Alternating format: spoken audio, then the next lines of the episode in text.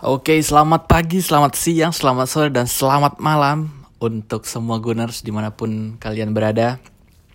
Dan balik lagi di Gunner Lokal Podcast, masih bareng gue Ilham Batara Simatupang. Kali ini gue rekaman sendiri, kalau episode yang kemarin berdua. Kali ini sendiri karena emang lagi ada di luar kota, jadi rekamannya gak bisa berduaan atau sama partner yang lain. Nah, hari ini gue ngerekam podcast episode ketiga dari Guna Lokal Podcast ini dengan perasaan yang gembira. Yo, kenapa? Karena Arsenal berhasil menang 2-0 melawan Napoli. Dan sebenarnya yang yang bikin sumringah yang bikin gembira itu adalah mainnya Arsenal tuh babak pertama ya. Babak pertama itu keren banget cuy, keren banget defense dan dan uh, fansnya juga seimbang hasilnya kita nyetak dua gol di babak pertama dan kalau kalian lihat di musim ini di musim pertamanya Emery memang kita itu kan terkenalnya uh, telat panas ya. Jadi panasnya itu baru di babak kedua. Tapi yang beda dari pertandingan tadi malam adalah di babak pertama kita langsung tancap gas langsung nyetak dua gol. Di babak kedua kita malah lebih banyak bertahan meskipun uh, meskipun banyak error ya meskipun banyak error karena ada beberapa peluang emas yang sebenarnya kalau emang striker strikernya Napoli lebih cekatan aja itu bisa terjadi gol. Tapi kita masih beruntung uh, belum apa tidak terjadi gol dari peluang-peluang emas itu. Tapi yang gue garis bawahi adalah di babak kedua Arsenal bertahan gue bilang dengan sangat baik. Dan ini jarang sekali terjadi. Gue nggak tahu kenapa mungkin salah satu faktornya adalah Mustafi nggak main ya. Itu karena di beberapa pertandingan terakhir sering sekali gol-gol yang masuk ke gawang Arsenal itu banyak terjadi dari sisi Mustafi terutama ketika dia bermain sebagai center back di bagian kanan ataupun malah terjadi karena error yang dibikin oleh Mustafi. Dan tadi malam Mustafi dicadangkan Koscielny yang baru baru aja sembuh dari cedera langsung main. Dia uh, berpartner dengan Montreal dan Papa di di posisi belakang dan gue rasa suits well ya. Maksudnya mainnya tuh kompak dan biarpun sering terlambat turun ke bawah cuman ya kita harus akui kita masih beruntung. Kita beruntung karena ada beberapa peluang emas dari Napoli yang tidak bisa mereka maksimalkan. Dan untuk di babak pertama tadi gue bilang kita emang biasanya jarang panas di babak pertama, tapi di pertandingan ini babak pertama kita bagus banget, offense dan defense-nya uh, bagus banget, kompak, cepat sekali aliran bola terjadi. Mungkin salah satu faktornya karena Torreira akhirnya bermain setelah hampir tiga pertandingan terakhir kali Torreira main kan lawan ini MU eh enggak enggak bukan lawan MU leg kedua leg kedua Europa League itu udah berapa pertandingan yang lalu dan dia kan dapat tiga tiga pertandingan tidak boleh main di liga karena kartu merah. Dan setelah si Torreira main ini emang terasa beda banget beda banget uh, lini tengahnya Arsenal. Kalau di beberapa pertandingan terakhir kan kita sering lihatnya kombinasi antara Shaka dengan Gendozi atau Ramsey dengan Gendozi terus juga terakhir kemarin waktu kita kalah lawan Everton yang main adalah El Nani dan Gendozi emang ya jauh banget lah perbandingannya kalau Torreira main. Nah, yang sebenarnya kalau walaupun yang main bagus itu Torreira terus defense kita juga bermain bagus, tapi yang yang gue sorot di pertandingan kemarin adalah bagaimana Ramsey lagi-lagi jadi nyawa nih, nyawa dari permainan Arsenal. Gol pertama dia yang nyetak, golnya Torreira juga sebenarnya kalau kalian lihat dimulai dari bagaimana Ramsey membagi bola atau memberikan umpan kepada pemain sebelum Torreira itu gue lupa siapa. Nah, kalau kita analisa ya di beberapa pertandingan terakhir ketika ketika Ramsey bermain sebagai starter Ramsey bermain benar-benar total benar-benar total benar-benar mengerahkan seluruh tenaga dan kemampuannya karena mungkin emang dia sadar ini musim terakhir dari dia main di Arsenal. Tapi yang gue harapkan dari Emery adalah bagaimana nanti dia di musim depan ketika Ramsey tidak ada, bagaimana dia mengganti peran Ramsey di musim yang musim ini, di musim depan. Karena kan pasti nggak mudah ketika di satu musim atau di musim sebelumnya ketika satu tim ber berapa namanya meng, uh, mengandalkan satu pemain dan di musim selanjutnya pemain itu tidak ada bukan yang cedera tapi emang udah tidak ada di dalam tim itu pasti akan susah untuk mengganti peran pemain tersebut. Nah, ini pasti tantangan buat si Emery. Gimana dia nanti mencari pemain atau bahkan mengubah permainan seorang pemain yang sekarang sudah ada di Arsenal untuk bisa bermain seperti Aaron Ramsey. Karena kalau kalian lihat contohnya ketika lawan Everton, Everton Ramsey tidak ada.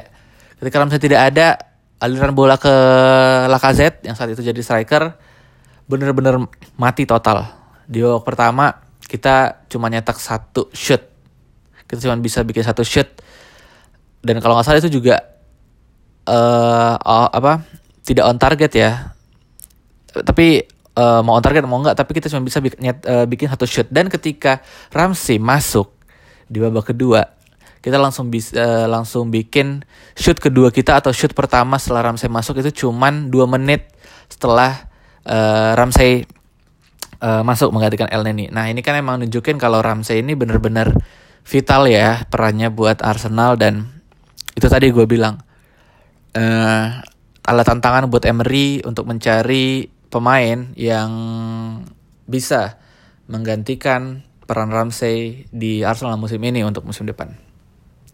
Overall permainan Arsenal tadi gue bilang bagus banget, uh, menarik, uh, gak gak sayang lah ya kita begadang atau bahkan ada yang rela bangun pagi-pagi buat nonton pertandingan itu karena emang seru banget. Babak pertama seru, babak kedua juga ya tipikal Arsenal lah ya bikin uh, di menit-menit terakhir tuh suka bikin jantungan tapi untung eh, striker-striker dari Napoli juga kurang baik finishingnya.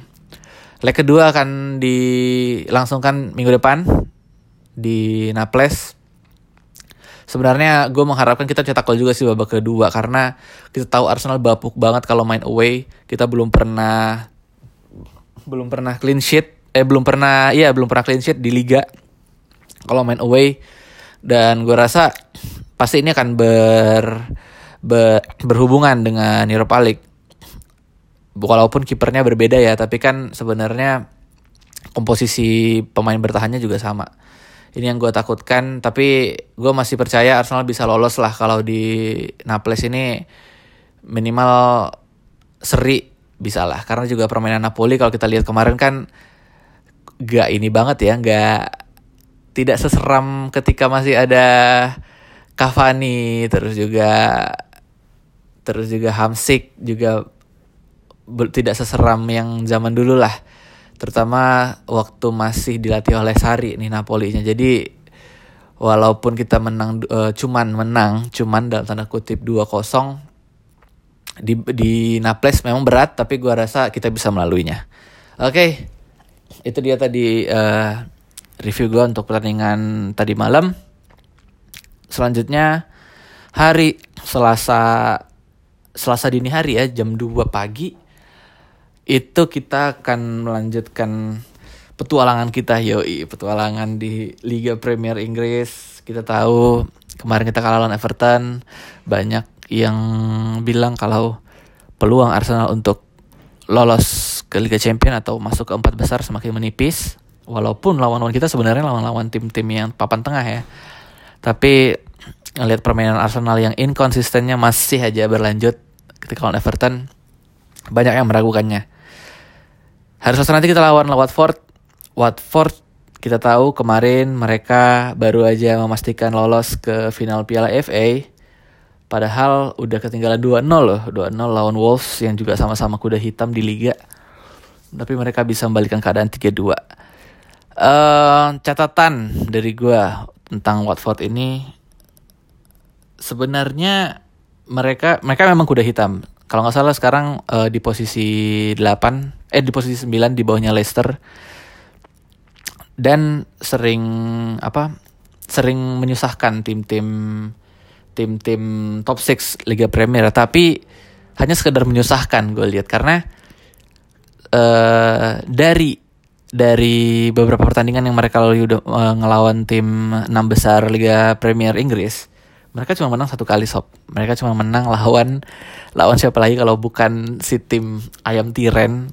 Dan sisanya ketika lawan Arsenal kita menang 2-0 eh kita menang 2-0 ya? 2-0 lalu lawan Spurs lawan eh lawan City lawan Chelsea lawan MU mereka kalah. Jadi meskipun se se underdog underdognya Watford sebenarnya kita masih punya peluang untuk bisa menang. Tapi ya itu tadi balik lagi. Inkonsistensi dari Arsenal. Dan inkonsistensi ini sendiri sebenarnya terjadi karena beberapa faktor. Yang pertama pasti pemain cedera.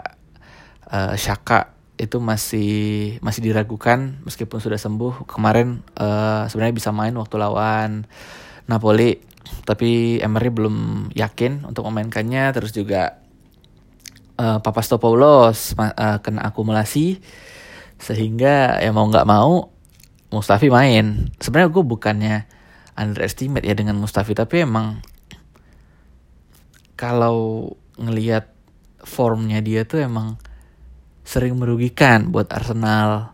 Tapi ya mau gimana lagi kita nggak ada nggak ada backup lagi meskipun ada Mavropanos ya. Jujur gue masih masih memilih Mustafi untuk dijadikan starter gitu daripada Mahrez karena ya tadi jam terbang terus juga um, chemistry antar apa chemistry antar pemain dengan strateginya Emery itu kan Mustafi udah sudah paham. Apalagi kan Arsenal sering main bola dari bawah. Takutnya ketika Mavropanos dimainkan yang emang notabene-nya uh, jarang bermain di musim ini malah efeknya lebih parah daripada error-error yang dibikin sama si Mustafi. Selain itu juga selain inkonsistensi yang bikin Arsenal mungkin agak kesulitan di laga versus Watford nanti adalah bagaimana uh, Watford ini kan pos, uh, ada di posisi 9 tapi mereka masih masih berpeluang untuk uh, bisa main di Europa League karena kan sebenarnya kalau di Liga Inggris tuh posisi 56 kan yang jadi yang jadi apa namanya yang bisa main di Europa League. Nah, Watford masih bisa buat buat masuk ke zona itu. Jadi pasti Watford juga mainnya nggak akan nggak akan diem aja gitu, nggak akan gak akan santai kayak lawan-lawan tim tim-tim kecil gitu. Nah, ini juga yang harus diwaspadai oleh Arsenal karena Arsenal ketika main dengan tim yang lebih ngotot daripada dia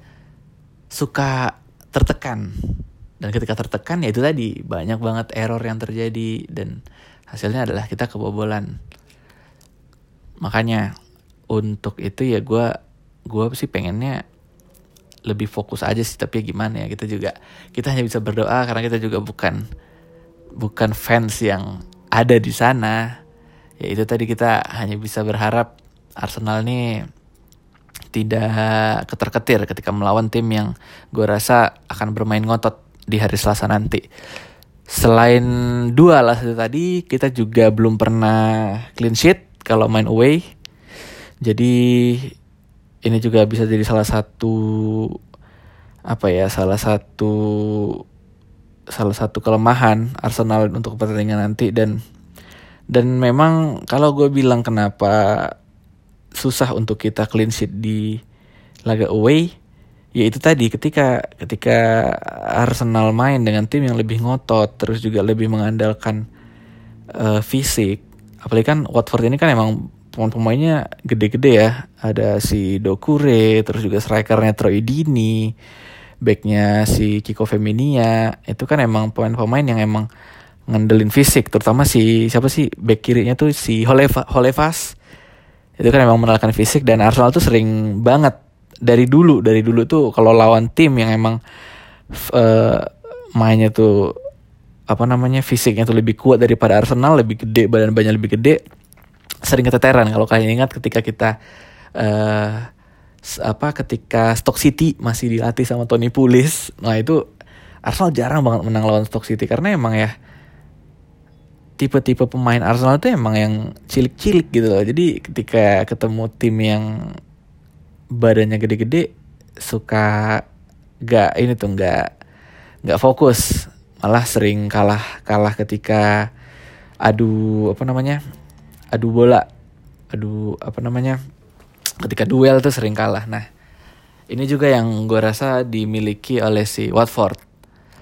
Nah jadi kalau direkap ada tiga ada tiga ada tiga hal yang mungkin bisa bikin Arsenal kesandung di laga nanti yang pertama adalah inkonsistensi ya pasti yang kedua adalah gaya bermain Watford yang mungkin akan ngotot di pertandingan hari Selasa nanti dan yang ketiga adalah uh, kita belum pernah clean sheet kalau main away. Oke, okay. itu dia tadi uh, analisa gue untuk laga versus Watford besok. Uh, besok Selasa. Setelah itu kita langsung main lagi empat uh, hari setelahnya, eh tiga hari setelahnya kita main lagi di leg kedua. Europa League memang musim ini, uh, bulan ini tuh bulan yang bulan yang padat ya karena kalau kita lolos kalau kita lolos nanti di minggu keempat kita juga ada leg pertama semifinal leg pertama semifinal itu kalau nggak salah di minggu keempat bulan April minggu ke minggu pertamanya bulan Mei itu uh, semifinal leg kedua.